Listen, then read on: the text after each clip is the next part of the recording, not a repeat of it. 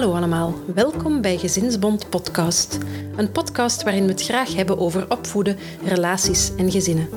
Ik ben Marijke, educatief medewerker bij Gezinsbond en mama van twee lieve, energieke jongens. In deze reeks Even met twee hebben we het over de eerste jaren als ouder. Niet alleen verander je zelf als je mama of papa wordt, ook in je relatie met je partner is het opnieuw zoeken en balanceren. We praten in deze reeks met enkele partners en experten. Zometeen ga ik videobellen met Rika Ponnet, een van de meest gekende relatie-experts uit Vlaanderen. Zij gaf op maandag 22 maart een webinar over communicatie binnen de relatie. De vragen van de kijkers hebben we gebundeld en een aantal daarvan zullen we vandaag met Rika bespreken. Goedemorgen Rika, bedankt dat we jou vandaag nog even kunnen opbellen om enkele bijkomende vragen te stellen. Is er nog iets dat je over jezelf wil vertellen aan de luisteraar? Ik denk dat ik in de lezing al behoorlijk wat over mezelf heb verteld. Ik denk als je iets vertelt over je gezin van oorsprong, en ik vind dat ook altijd opnieuw weer naar iedereen toe een goede boodschap. En mensen zeggen zo vaak, ja, we moeten in het nu leven en het verleden laten voor wat het is en vooruitkijken ik, ik volg dat niet. Ik vind ook zeker niet dat we in het verleden moeten leven. Maar eh, ik heb toch in de loop der jaren ook voor mezelf geleerd dat het goed integreren van wat geweest is met wat er vandaag is een hele zinvolle oefening is naar eh, richting een groter bewustzijn. Rond datgene wat je doet in het leven, wat je voelt, wat je ervaart, de keuzes die je maakt. En ja, een, een grotere mildheid ook naar in eerste instantie jouzelf toe. Mhm. En in tweede instantie naar uh, de dingen die een partner doet, dus die je ervaart of ziet in je omgeving. Omdat je beter de handleiding van de anderen snapt en, um, en vooral ook je eigen handleiding beter kent en beter leest. En niet zozeer uh, de slaaf bent van um, alles wat op jou afkomt, je overspoelt. Dat vind ik het grootste geschenk. Dat is dat je vooral een groter begrip hebt of een groter inzicht hebt in uh, je eigen motieven en je eigen manier van leven en handelen. En ik denk dat ik dat in de loop der jaren als een van uh, ja, de mooiste geschenken binnen het werk dat ik doe naar mezelf toe, dan altijd ervaren heb. En ook, ik ben intussen 52, dat, ik doe dit al zeer lang. Ja, tot op vandaag is het zo dat ik nog altijd heel graag met mensen werk, of misschien al maar liever met mensen werk. Uh, ook omdat uh, als ik een gesprek heb, uh, het vertrouwen dat je hebt in alles wat je op dat vlak al gedaan hebt, ook het vertrouwen, het is een vorm van zelfvertrouwen ook, wat er ook op mij afkomt. Ja, we gaan dat wel bespreekbaar kunnen maken, of we kunnen het er wel over hebben, hè, of we komen er wel. Dat is een enorme kracht. En het ook al maar minder analytische of het al maar minder vanuit het hoofd en veel meer vanuit de totaalervaring, de, de, de, de bewuste intuïtie noem ik dat dan. Ja. Veel meer vanuit de ervaring en het hier en nu uh, in gesprek kunnen gaan met mensen en dat ook in zijn totaliteit kunnen toelaten.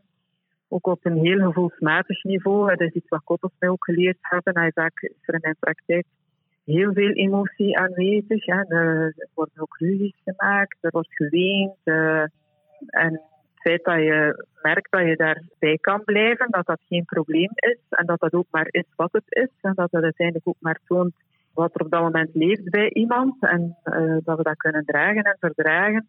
Dat vind ik een enorme kracht ook in mijn, ja, in mijn relatie als mama met mijn kinderen en zo, dat je heel goed beseft ja, dat, dat, oh, dat hoeft mij niet te overspoelen. Ik kan daarbij blijven en dat steekt mij ook eens tegen. Of dat frustreert mij ook eens. Dus ik heb daar ook wel eens moeilijk mee. Als we te veel aanhaken of zeer vervelend zijn, dan zijn die aan het typen. Maar wel van, uh, eigenlijk kunnen we dat aan. En is het uh, vooral door erbij te blijven, er niet van weg te lopen, dat het lukt. Dat is denk ik een heel belangrijk inzicht. Tot nu toe het feit dat we vooral afzien en lijden door lijden uit de weg te gaan. En afzien uit de weg te gaan of moeilijke dingen uit de weg mhm. te gaan. Ik zie dat ook als mensen single zijn en een nieuwe partner willen kiezen. Dat ze vooral soms heel goed weten wat ze allemaal niet willen. En dat dat eigenlijk dat is vooral een oefening vanuit het hoofd en ook vanuit angst om hè, opnieuw iets mee te maken dat niet fijn is. En dan geef ik toch altijd ook aan in mijn gesprekken van, ja, eh, van wat heb je eigenlijk schrik? Ah, ja, van gekwetst te worden? Ja, sterven we daarvan? Nee. Waarom zou u, ga je dan afsluiten voor al het mooie? Want dat doe je mhm. uiteindelijk ook op het moment dat je vanuit angst je afsluit voor heel veel opties in het leven of voor heel veel scenario's waar je van denkt, ja, als het opnieuw iemand met kinderen is, zal mij dit en dat opnieuw overkomen. Ja, nee, dat is niet noodzakelijk zo. Hè. Dus ja, van altijd naar een grote ontvankelijkheid en een vorm van vervangenheid, zoals jonge mensen dat in het leven staan, vind ik eigenlijk een, de belangrijkste leidraad. En hetgeen wat ik vandaag ook voor mezelf zoveel als mogelijk probeer te doen. Ja, ja. ja, En een, een heel mooi proces op verschillende vlakken dan eigenlijk dat u doorlopen hebt door de jaren. Hè? Dus door, door, ook mensen te gaan helpen, dat je ook wel meer en meer naar uzelf toegekomen bent. Absoluut. Ja, uiteindelijk is dat ook een soort van co-evolutie. Je kan dat niet van elkaar onderscheiden. Ik zie dat ook in de boeken die ik geschreven heb. Ja, blijft bij mij was een heel analytisch boek eigenlijk. Dat is heel populair, omdat dat is een soort van... Ja, mensen blijven graag in hun hoofd zitten. Hè. Dat is veilig. Hè. Je maakt een analyse van... Oké, ik heb die hechtingsstijl en mijn partner heeft die hechtingsstijl. En dat klopt helemaal. Hè. Ik sta daar nog altijd ook achter. Maar vandaag benadruk dat ook wel al een stuk anders. En dan het boek dat daarop volgde ging veel meer al uit van uit de dynamiek van de relatie en ook van wat voelen we, vanuit het, wat, wat emoties, of wat is de, uh, de leidraad die emoties zijn in ons, in ons leven, en wat leert ons dat over onszelf en over onze beweegredenen. En nu ben ik bijvoorbeeld heel hard aan het nadenken over een boek rond seksualiteit, maar dan heel bazaal uh, bekeken hè, van het lichaam, de verhouding die we hebben met ons lichaam. Want daar start het uiteindelijk ooit als kind. Hè, dat is, we leren via ons lijf en niet via het hoofd. Hè, dus in eerste instantie. Uh, dat is onze eerste leerervaring, onze eerste ervaring ook met de anderen, het lichamelijk contact, het huidcontact. En dat is ook wat corona mij nu enorm geleerd heeft, ja, hoe essentieel dat, dat is. Mhm. En als ik daar naartoe ga, ook in mijn gesprekken met mensen en ook bij mezelf, hoe helder je eigenlijk ziet ja, waar jouw kwetsuren, waar jouw behoeftes, uh, waar jouw pijn zit. En ja, hoe belangrijk dat ook is om, de, om rond die behoeftes een invulling te krijgen. Ik merk nu als ik aan mensen vraag hoe hun seksualiteitsbeleving is met zichzelf in hun relatie, dat dat um, mij heel snel leert hoe mensen zich verhouden tot elkaar. Veel sneller dan vanuit het hoofd een analyse te maken van iemand zijn hechtingsstijl. Dat komt daar allemaal bij of dat komt er allemaal bovenop. Maar ooit is dat met dat lichaam gestart. En dat zijn de eerste, de meest basale herinneringen die we hebben. En dat zijn ook dingen die ons enorm sturen in het leven. En die ons ook een hele diepe bevrediging brengen als het op dat vlak goed zit. In het contact met anderen, in het contact met kinderen. Niks mijn, mijn zus, haar dochter, deze week panikeerde enorm. Dat is een heel, alleen nogal een angstig meisje, panikeerde enorm rond examens. En ik gaf haar aan, ik heb dat ook ooit gezien in een opleiding, maar toen denk ik, was ik daar nog niet rijp voor, zoals ik dat vandaag ervaren zie. Hoe de, dat was Mia Leijzen waar ik les van had, een fantastische professor en ook therapeute. Mhm. Hoe zij um, iemand tot rust bracht in therapie. Hè? Iemand die volledig in de emotie over de toeren ging en uh, ja, heel hysterisch bijna werd. En ja, hoe je door iemand uh, letterlijk op je schoot te zetten, te wiegen, en dat zijn hele... Ja, we kennen allemaal die, die dingen. Hè. Alleen doen we dat nog heel weinig op volwassen ja. leeftijd. Uh, ik doe dat ook met vrienden vandaag. Hè. Een vriendin die het heel moeilijk heeft en die misschien groter en zwaarder is dan ik ben. Ik zet die echt op mijn schoot en dat werkt enorm. Hè. We, zijn, we vergeten soms hoe krachtig ons lichaam is als instrument om de anderen te troosten, om nabijheid te tonen.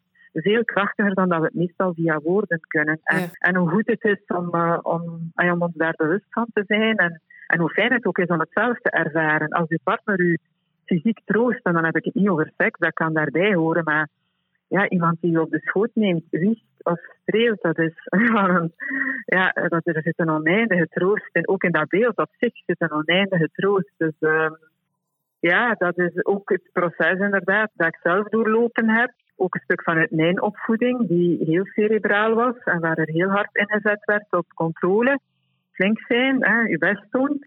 Naar een manier van zijn vandaag, ik met mezelf en met anderen, ja, die toch heel anders is en die ik ook als veel authentieker en veel bevredigender voor mezelf ervaar. Veel minder frustrerend. Uh, ook het gevoel dat dat, dat is een veel krachtiger manier is. Ik hoef niet te controleren. Waarom? Omdat ik er vertrouwen in heb dat ik via die weg altijd de weg naar de andere vind. En via controle, ja, dat dat veel analyse vergt hè, om bij de andere te geraken. En die analyse hoeft er eigenlijk helemaal niet te zijn. Je kunt heel snel bij de andere geraken via je lichaam. Dat is, uh, ja, uh, dat is een. En daar zit een oneindige uh, leerschool achter die ja. Mm-hmm. Ik ben dag in dag uit met niets anders bezig geweest dan dit. Dus ja, ik vind het een heel verrijkend proces. Absoluut. Ja, ja. ja mooi om, om, om te horen ook. Um, ik stel voor dat we eventjes naar de, een aantal vragen gaan, gaan kijken die ja. mensen in de chat gesteld hebben bij het webinar. Er waren een aantal vragen die gingen over hoe je als koppel in een nieuwe levensfase stapte. Er was iemand die zei van wij zijn elkaar onderweg zowat uit het oog verloren doordat de kinderen altijd op de eerste plaats kwamen. Nu is het terug tijd om naar elkaar toe te groeien, maar hoe doen we dat?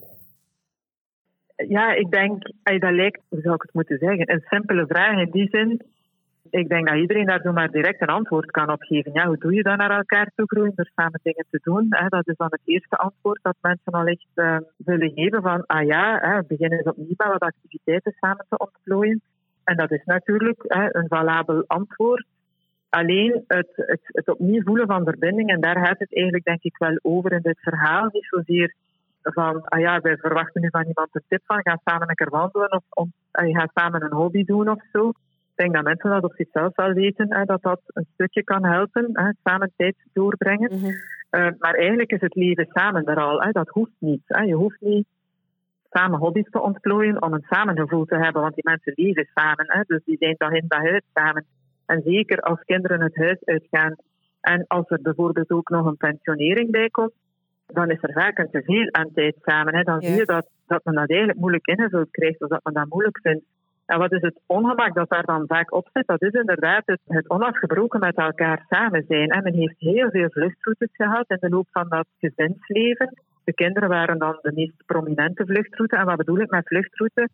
Eigenlijk niet bezig zijn met de anderen hè, binnen je relatie, maar door alle andere to-do's die op je lijst staan, uh, ja, heel veel bezig zijn met al die to-do's. En je kan jezelf al wel een stukje wijs maken van, uh, we zijn elkaar uit het oog verloren door al die to-do's is een beetje ja, de vraag van de kip en het ei. Ik denk dat mensen het ook vaak best makkelijk vinden hè, dat die to-do's daar zijn, zodat dat, men, dat ja, die, die olifant in de kamer die er zo wat onzichtbaar ja, ja. dat we die niet moeten aanpakken en uit de weg kunnen gaan, omdat we effectief ervaren als we wat langere tijd alleen zijn, of bijvoorbeeld eens met z'n tweeën uit eten gaan zonder de kinderen dat je dan eigenlijk al voelt van, hm, we hebben elkaar niet veel te vertellen, of dat is hier toch wat ongemakkelijk, hè, dat soort van gevoel. En dan, ja, Esther Parel formuleert dat heel mooi. Zij zegt eigenlijk, je kan in de loop van je huwelijk, eh, je hebt je eigenlijk een aantal huwelijken en dat gaat erover, dat is een vorm van opnieuw beginnen. Echt, echt letterlijk opnieuw beginnen. En een beetje zoals dat eh, bij een verkering gebeurt, of bij een kennismaking gebeurt. En wat daar natuurlijk voor vereist is, is dat er aan de basis nog wel een gevoel moet zijn. Je moet naar elkaar toe. Ja, er moet toch nog een verlangen zijn om dat effectief vorm te geven. Op zijn minst een bereidheid om samen te blijven en daar nog iets van te maken. Anders kan je gewoon beter als vrienden naast elkaar leven en daar verder ook uh, niet veel huisbaar rond maken. Maar dat is duidelijk niet de vraag. De vraag die dan op tafel ligt is, ik wil wel opnieuw dat soort van verbondenheid ervaren in die relatie. Of we willen daar opnieuw echt wel een relatieverhaal van maken. En dan zal er toch maar één weg zijn. En dat is meer intieme gedeelte opnieuw delen. En dan gaat het over het delen van gedachten, gevoelens. En opnieuw met een, um, een open blik en uh, met een uh, gemeende interesse naar de binnenkant van de andere willen gaan. En ook je binnenkant willen delen. Wat, um, heel vaak gaat dat er ook over dat mensen onderweg een aantal ervaringen met elkaar hebben gehad die ze niet zo fijn vonden. Mm en dat dat dingen zijn, wij noemen dat dan hechtingstrauma's, dat klinkt heel zwaar. Hè. Dat is niet zo zwaar als dat het klinkt. Hè. Heel vaak gaat dat over al die momenten in je huwelijk of in je lange relatie waar dat je het gevoel had dat de andere er onvoldoende of niet voor jou was. Mm dat je je alleen gevoeld hebt. Heel vaak gaat dat over bijvoorbeeld bij geboorte, uh, bij het overlijden van ouders, bij ontslag, bij moeilijke dingen hè, die op je pad komen als individu. En de mate waarin dat de ander, of de manier waarop de andere jou daarin heeft bijgestaan of niet heeft bijgestaan, of het gevoel dat je had dat die ja, afgevallen is hè, op dat moment. Ook in de opvoeding naar de kinderen toe. De strijden die geleverd geweest zijn en waar je het gevoel van had dat je het onderspit had moeten duizen. Dingen die niet zo, ja, zoals in het Engels zeggen, resolved, die zo eigenlijk geen afronding gekregen hebben. Hè. Dat zijn zo de eindjes die blijven liggen zijn, die we hebben laten liggen. En die toch eigenlijk tot op vandaag pijn doen en ervoor gezorgd hebben dat ja, de verbondenheid, of die koers van verbondenheid, dat die toch wel wat gerafeld mhm. En dat er wel wat werk aan is om dat, um, alleen om dat opnieuw weer wat krachtiger te maken. En dan is dat effectief ook door de bereidheid te hebben, en ik heb dat ook in de lezing een stukje aangegeven, van opnieuw echt naar elkaar te luisteren. En misschien dus, ja, klinkt belachelijk, maar dat zouden we eigenlijk ook in therapie wel doen is te kijken van kunnen we misschien elke week eens zo'n half uur bij elkaar zitten en het effectief hebben over dingen die ons in het verleden overkomen zijn, hè, of waar we nog mee bezig zijn. Van kijk, dat is iets waar ik eigenlijk soms nog aan denk. En ik merk dat ook als mensen dan contact opnemen van uh, ja, kinderen zijn 15 of 16 jaar of, of zelfs al ouder. Van ja, maar weet je, bij de geboorte toen, hè, dat is iets wat tot op vandaag bij mij speelt en hij wil daar niet over praten. Ja. Uh, of zij wil daar niet over praten. Hè. Hoe dat zij toen uh, gedaan heeft toen mijn mama stierf, vond dat ik mij belachelijk gedroeg. Zo dat soort zaken. Ja, ja. Kunnen we teruggaan naar die ervaring en kunnen we daar eventueel ja, kunnen we daar um, onbevangen proberen die luisteroefening te doen. Van hey, spreek nu maar eens, of spreek het dus allemaal uit, zonder dat ik wegloop, zonder dat ik in de verdediging ga. En kan ik dat dan eens herhalen wat je naar mij toe vertelt en wat dat met jou gedaan heeft. En kan ik dan misschien proberen ook van mijn standpunt uit te proberen vertellen wat dat toen met mij deed en waar ik toen stond en hoe dat, dat bij mij is binnengekomen. En dan zie je, ja, als je uh, dat soort helende ervaringen kan hebben, dat dat ja, ook je band opnieuw heel hard versterkt. En dat je dan wel opnieuw dat, dat gevoel hebt van een gezamenlijk verhaal. En dat je daar uiteindelijk ook weer mee verder kan. Want dat is het heel vaak. Het is niet zozeer van, we hebben ons gefocust op de kinderen, maar wel, er zijn een aantal ervaringen geweest die gemaakt hebben dat wij ons van elkaar een stukje hebben afgekeerd onderweg. Hè? Want het is niet zo dat wij iedereen met kinderen als de kinderen het huis uitgaan, dat dat de ervaring is van we komen in een nieuwe levensfase en we krijgen die niet ingevuld. Dat is effectief wel, omdat je onderweg, uh, en ik ga niet het woord te gebruiken, maar de keuze hebt gemaakt om uh, al uw eieren in die opvoedmand te leggen of u daar helemaal op terug te plooien. Je ziet dat bij nogal wat vrouwen. Omdat ze dan net makkelijker vinden dan met die mhm. partner verder te gaan. Hè? Dat is een, ja dus eigenlijk misschien zo'n beetje een, een opeenstapeling van, van, van elke keer zo'n klein beetje uw grens die overschreden wordt en, en dan uh, uiteindelijk dan... Ja, ja, ja, ja. ja. Zou het dan, want ik, ik, ik, heb ooit een, een, eh, een, koppel ontmoet. Die zaten elke week, als zij hun zoontje naar de hobby deden, ik weet, hockey of ik weet al niet meer wat het was, dan gingen zij samen in de cafetaria zitten. Ja, dat is nu iets dat op dit moment niet kan natuurlijk. En dan spraken zij over die week wat er gebeurd was en wat ze dan uh, leuk hadden gevonden dat er gebeurd was. Of dat ze vonden dat hun partner goed had gedaan. Maar ze spraken ook over van, kijk, dat vond ik dan minder fijn. Uh, is, is dat iets wat dan eigenlijk die, die koppels met kleine kindjes wel... Allee, daarom niet zo ja, structureel dat inbouwen, maar waar dat ze wel aandacht voor moeten blijven hebben? Ja, ja in dat woord moeten zit er alweer zoiets van... Uh, ja, wat zie je dat? Je hebt koppels bij wie dat, dat inderdaad automatisch gaat. Hè? Dat is, ik noem dat dan de micromomenten van afstemming dat is in die lezing aan bod gekomen, maar dat is een hele belangrijke, die ik ook wel vaak gebruik in therapie. Dat gaat niet zozeer over, eh, we moeten nu elke week een avond, uh, dateavond inplannen, en want dat is ook zo gepropageerd geweest. Ja, er zijn mensen die dat nogal vermoeiend en nogal artificieel vinden. En voor sommigen werkt dat, maar voor anderen werkt dat totaal niet het zal ook niet alleen met in een dateavond zijn dat je het doet. Allee, ja, dat is alsof dat, dat dan zo'n punt op je agenda is en al de rest van de tijd hoef je dan eigenlijk niet bezig te zijn met dat verhaal. Mhm. Nee, dat gaat eigenlijk er altijd weer over dat je relatie, dat dat eigenlijk ook iets is waar je van weet, zoals zorg voor kinderen, uh, niet dat is een to-do, maar dat uh, ja, dat dat een soort permanent bewustzijn is dat je daarop hebt. En dat zie je bij koppels die een goede band hebben, die onderhouden dat op natuurlijke wijze. Hè. Die stemmen heel vaak af, en daaruit kunnen we dat dan ook een stukje leren. Die stemmen heel vaak af op de andere. En dat, dat is niet een half uur bij elkaar gaan zitten. Dat is, um, ja, de andere komt uit van, ah, hoe was uw dag? Ja, ça va. En uh, was bij u niet moeilijk vandaag? Ja, dus wel, ja, maar god, ja, de dino was ambetant. En dat, en dat die dan eens vastgepakt wordt. En, en je ziet dat, er, dat die eigenlijk de tools hebben om heel snel bij elkaar binnen te geraken te delen wat, ja, wat ze op dat moment willen of kunnen delen. Elkaar daar ook nabij kunnen in zijn. En dat, hoeft, dat, dat gaat soms maar over een paar minuten hè, dat dat gebeurt. En ook, ja, het, daar, daar zie je dat die hebben ook het vermogen om de relatie op de eerste plaats te zetten. Niet altijd, maar toch op voldoende momenten de relatie op de eerste plaats te zetten. En dat is wat je heel vaak ook hoort in jonge gezinnen. Ja, het zijn altijd de kinderen die op de eerste plaats komen. Dat hoeft niet. Hè. We hebben vandaag ook nogal een dringend idee over ouderschap. Ja. Vrouwen die daar heel overmatig zich in verliezen. Hè. Dat is een soort van perfect moederschap dat men dan bijna naast heeft. En die mhm. behoeftes van die kinderen die mogen nooit gefrustreerd worden. Daar moet alle aandacht naartoe gaan. Nee, het is ook echt in het belang van die kinderen dat die relatie heel goed zit. Hè. Dat is eigenlijk op het moment dat je bezig bent met die relatie ben je ook bezig met het opvoeden van je kinderen. En als dat toon je op dat moment aan die kinderen dat jij een volwassen vrouw bent, dat jullie een koppel zijn, dat dat om, om als mama en papa goed door het leven te gaan, dat dat ook tijd vergt. Dat kinderen een tijd en plaats hebben, maar niet alle tijd en plaats. Mhm. Kinderen zijn geen keizer of koning, zoals ooit in, in, in, wat was dat? Ik vond het vreselijk. Die slogan al wel afgezet op dat moment. Eh, bij uh, kind en gezin was dat kind is koning. Ik dacht van, hallo, nee, kind is geen koning. kind is kind. Punt aan de lijn. Uh, ik snap wel de, de ik vind dat een hele foute manier van naar te kijken. Ja, dat is zo. Ja. Een kind hoeft niet op een troon te zitten, hè. absoluut niet. Hè. Uh, zoals de koning. Uh, kind maakt deel uit van, ja, van wat een gezin is. En dat is ook het leerproces van kinderen. Ik kom niet altijd op de eerste plaats. Mijn mhm. behoeftes komen niet altijd op de eerste plaats.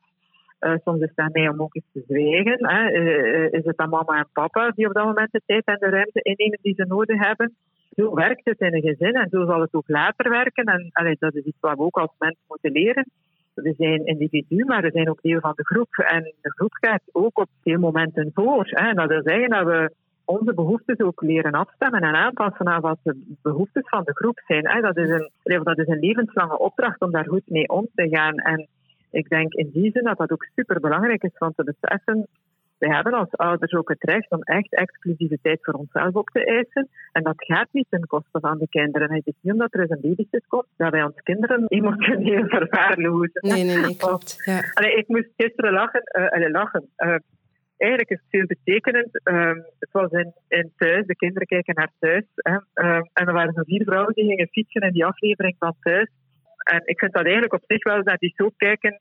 Dat, ik, ik heb dankzij die soap ook al met de kinderen heel veel dingen bespreekbaar gekregen. Er komen zoveel van die dingen dan binnen, waar je het dan automatisch ook over hebt. En je ziet dat zijn dus vier vrouwen, hebben allemaal jonge kinderen. En de ene, de, haar kinderen, die dokter S, haar kinderen zijn al groter. En zij heeft zo daarin de, de meest ontspannen houding. Hè, van, uh, ja, weet je, uh, ik heb toch ook eens af en toe tijd voor mezelf nodig gehad. En ik had het dan ook wel echt gehad. Hè, dus uh, ik nam dan een keer een babysit. En eigenlijk vond de klein dat wel leuk ook. Hè, dus, en dan zie je dan zo drie vrouwen die daar zo heel krampachtig mee omgaan. Hè. Eén die aangeeft van, ja, ik ben nog nooit een avond, ofwel is mijn man, ofwel ben ik het die voor het kindje zorgt. En oh, ik mag er niet aan denken dat ik hem moet loslaten. Hè. En dan zie je dat daar zo ja, heel, heel dringend op zit bijna. Hè. Dus, uh, en allee, dat ging het er met de kinderen ook over. Ja, wat, wat voor vorm van ouderschap vinden we nu oké en wat vinden we erover? En uh, ik vond dat, dat op zich altijd wel een leerrijk moment om het uh, via zo'n weg het er dan over te hebben. Ja. Maar uh, ja, het gaat er effectief over. Je bent meer dan ouder en je bent ook een vrouw, je bent ook een man. Durf dat ook als behoefte erkennen en doe daar ook, allee, durf daar ook iets mee doen, absoluut. Neem ook de tijd als koppel om daar, eh, en niet omdat het moet, maar omdat je ook zal ervaren door het te doen. En soms heeft het wel het gevoel van, ik, uh, weet je, ik heb er geen tijd voor en ben moe, en, uh, maar dat, is, dat, dat voedt u ook. En je merkt ook door dat te doen, dat je nadien ook een ontspannender mama of papa bent. Hè, dat je daar ook meer buffer rond hebt. Hè, dat je ook op, al die, op die andere vlakken veel meer bevredigd voelt en daardoor ook meer het vermogen hebt om goed te zorgen voor kinderen. Hè. Dus, uh, en niet heel de tijd maar verder doen vanuit schuldgevoel en ik moet hier het perfect doen. Nee, durf echt effectief tijd voor jezelf, tijd als koppel te nemen. Dat is, uh, dat is toch soms een opdracht. Ja, maar uh, superbelangrijk. Ja, ik denk het ook. dat gaat wel eens over kleine dingen hoor. Vaak over afstemmingsmomenten zoeken. Maar ook, ja, we zijn allemaal uitgewandeld ondertussen, denk ik. Maar ja, gewoon met z'n tweeën eens een half uur tijd nemen. En, en er hoeft ook niet besproken te worden. Hè. Het is gewoon het feit dat je elkaar nog eens ervaart, gewoon met z'n tweeën. Hè. Eh, er moet dan ook niets gebeuren, want mensen hebben dan het gevoel van dat moet nu kwaliteit van tijd zijn. Hè. Dat moet nu quality time zijn, want we hebben dan nu mhm. uitgetrokken als tijd. Eigenlijk moet er dan ook niets. Hè. Samen naar thuis kijken kan ook al helpen, denk ik. Kan ook, voilà. Dus ja, dat, of, of gewoon wandelen en dan kijken naar, ah, dat is het gewoon huis. Dan ja, dus dat ik toch niet willen. En ay, dat kan over heel banale dingen gaan. Hè. Dat gaat gewoon over het feit dat je met z'n tweeën een vorm van rust ervaart en, en dat dat kan. Daar gaat dat eigenlijk over. Ja. Oké. In het webinar had je het ook over dat de, hoe dat je in de relatie staat. Hè, dat dat ook wel, en je hebt het daar straks ook nog eens verteld, dat dat voor een stuk ook voortkomt uit hoe dat je zelf bent grootgebracht, hè, wat dat je meegekregen hebt in je opvoeding. En dus iemand haalt ook aan van en veel hangt af van de opvoeding. En zij vraagt van hoe kan je dat dan resetten, hè, benoemt zij dat. Hoe kan je er eigenlijk aan werken om bepaald gedrag dat je hebt uh, opgebouwd of, of, gekregen hebt, hoe mhm. dat je dat kan gaan verminderen. Hè? Zo, zoals bijvoorbeeld dat terugtrekgedrag of die kritiekaster ja. zijn. Nu, het start natuurlijk met een bewustzijn. Dat is wat die lezing eigenlijk ook een beetje als... of wat jullie nu wat proberen uh, uit te rollen als rode loper zo. Hè, ja. Van, ja, vanuit, eh, het start met inzicht. Hè. Alleen met inzicht komen we er natuurlijk niet. Maar dat bewustzijn is al een hele grote. Het feit dat je al ziet hoe die dynamiek eruit ziet, en dat je dat ook doorhebt, hè, dat, dat er niet zoiets is als ik heb gelijk en hij heeft ongelijk of omgekeerd. Ook het bewustzijn van de andere doet dat niet om mij tekort te doen, hè, want dat is een, uh, zo'n slachtoffer-dader denken. Hè, dat zit heel sterk in relaties waar het moeilijk loopt. Ja, en de andere wordt dan, allee, dat is wat zo'n criticasse dan doet, maar eigenlijk de mensen dat dan heel snel ook wel al met elkaar, zo de, name-calling, zoals ik het zei in de lezing. Zo van ja, de, de serie, veel te emotioneel, veel te gevoelig, hypersensitief of autistisch. Dat, dat soort van diagnoses, dat helpt natuurlijk niet. Mhm. Het is trouwens ook zelden zo. En meestal uh, gaat het effectief over gedrag dat we bij elkaar versterken. Dus ik denk dat bewustzijn dat dat al een hele belangrijke is. En dan, wat altijd weer uh, een stukje helpt, is als er zo'n conflict is, je kan dat niet volledig vermijden. Hè. Je ziet als mensen, ja, we hebben elk onze ingesleten patronen, de manier waarop we dingen ervaren, dat is zeer eigen. We, we ervaren dat ook als de realiteit en niet als een realiteit, terwijl het een realiteit is, niet de realiteit. Mhm. Maar allemaal zijn we ervan overtuigd. Hè. Die, kijk, ik ervaar het toch juist. Hè. Dit is toch wat er nu gebeurt. Nee, dat hoe jij het aanvoelt wat er gebeurt. Hè. En, en dat is iets zeer individueel. En ik had dat een tijd geleden, ah, ik vond dat een heel uh, fijn inzicht zo, dat ik samen met iemand in de auto zat. Uh, ik reed mee en er was iemand anders aan het rijden en ik zat ernaast.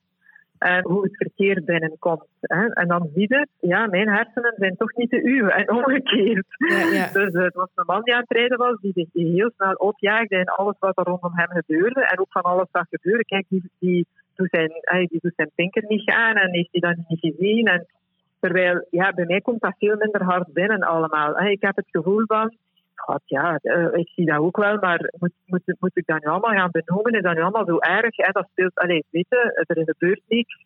Ja, die niet zijn pinker niet toe gaan, het is waar. Hè? Zo, hè? Dus, en dan zie je, jouw ervaring van de realiteit hè, is echt helemaal anders dan de mijne. Bij jou komen die dingen duidelijk veel prikkelender binnen dan bij mij. Hè. Dus uh, je kan je dan ook voorstellen op het moment dat je in een intieme relatie ruzie maakt en je bent elk daarin zo anders geprogrammeerd of je ervaart de realiteit zo anders, ja, dat dat toch voor conflict is. Hè, of voor mhm. het gevoel van de ander begrijpt mij niet enzovoort enzovoort. Dus het zal altijd weer afhangen van één, het bewustzijn dat dat het is, dat jij maar een, een realiteit ziet en niet de realiteit. En dat je bereid bent van ja, uit te leggen wat jouw realiteit is en ook open te staan voor de realiteit van de anderen.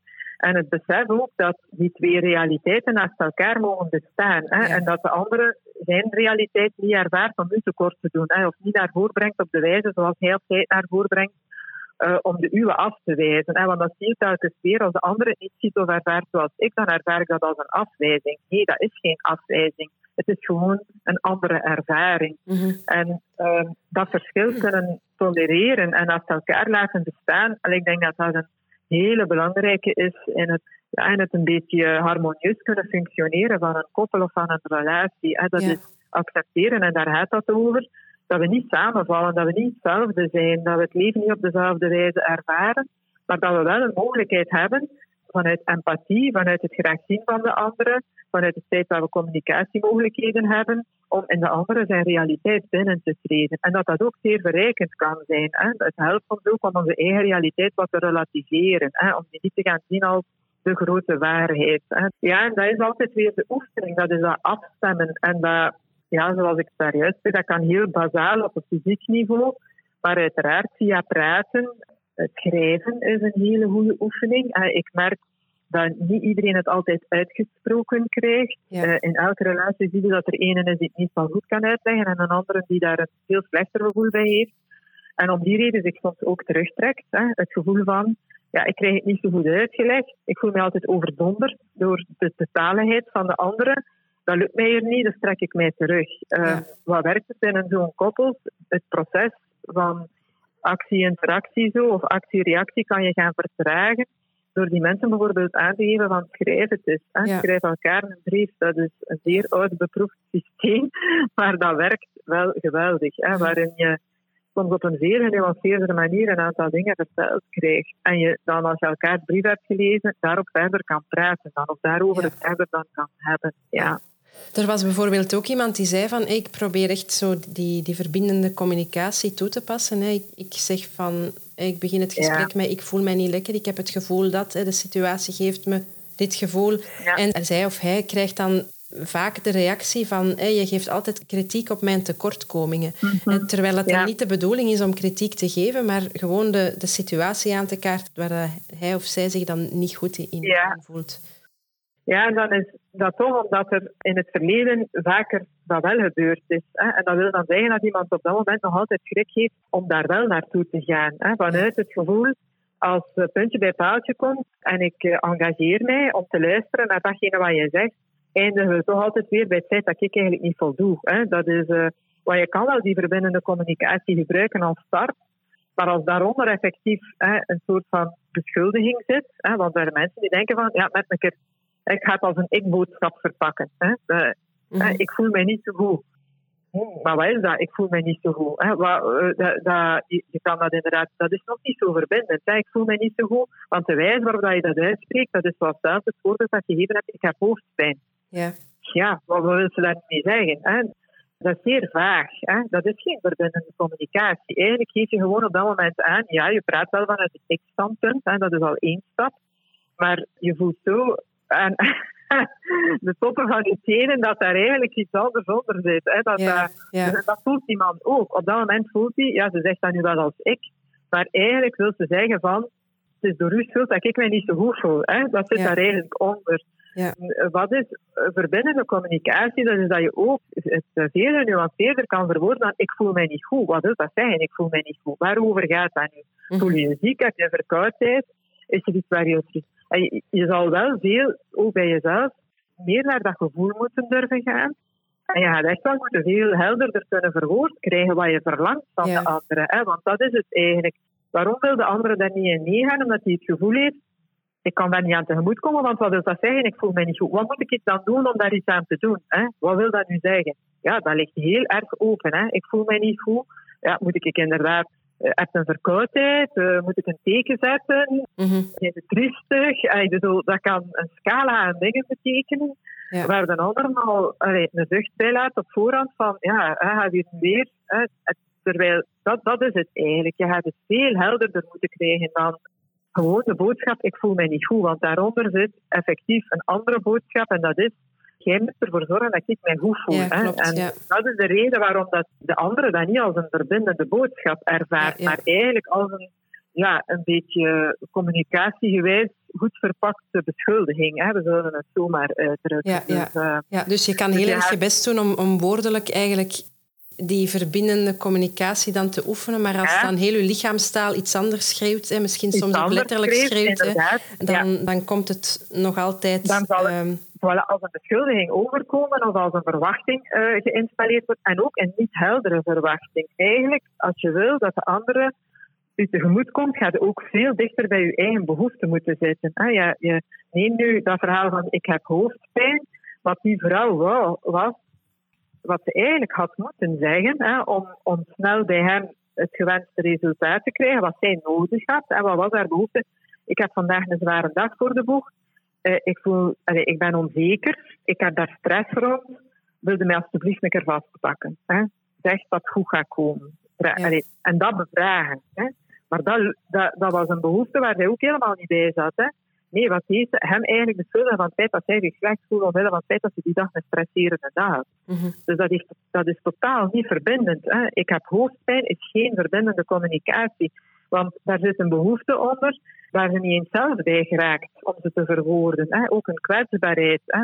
En waarom verwoordt zij dat niet? Omdat zij vanuit haar standpunt er ook geen vertrouwen in heeft dat hij haar tegemoet zal komen. Dus je ziet dat je daar eigenlijk alweer in een heel beschuldigende sfeer aan het communiceren bent. En als je wil dat de andere daaraan tegemoet zal komen, aan die diepere behoefte aan troost, aan nabijheid, want daar gaat het dan altijd weer over, aan bevestiging, dan ga je die ook letterlijk moeten communiceren en ook letterlijk moeten bevragen.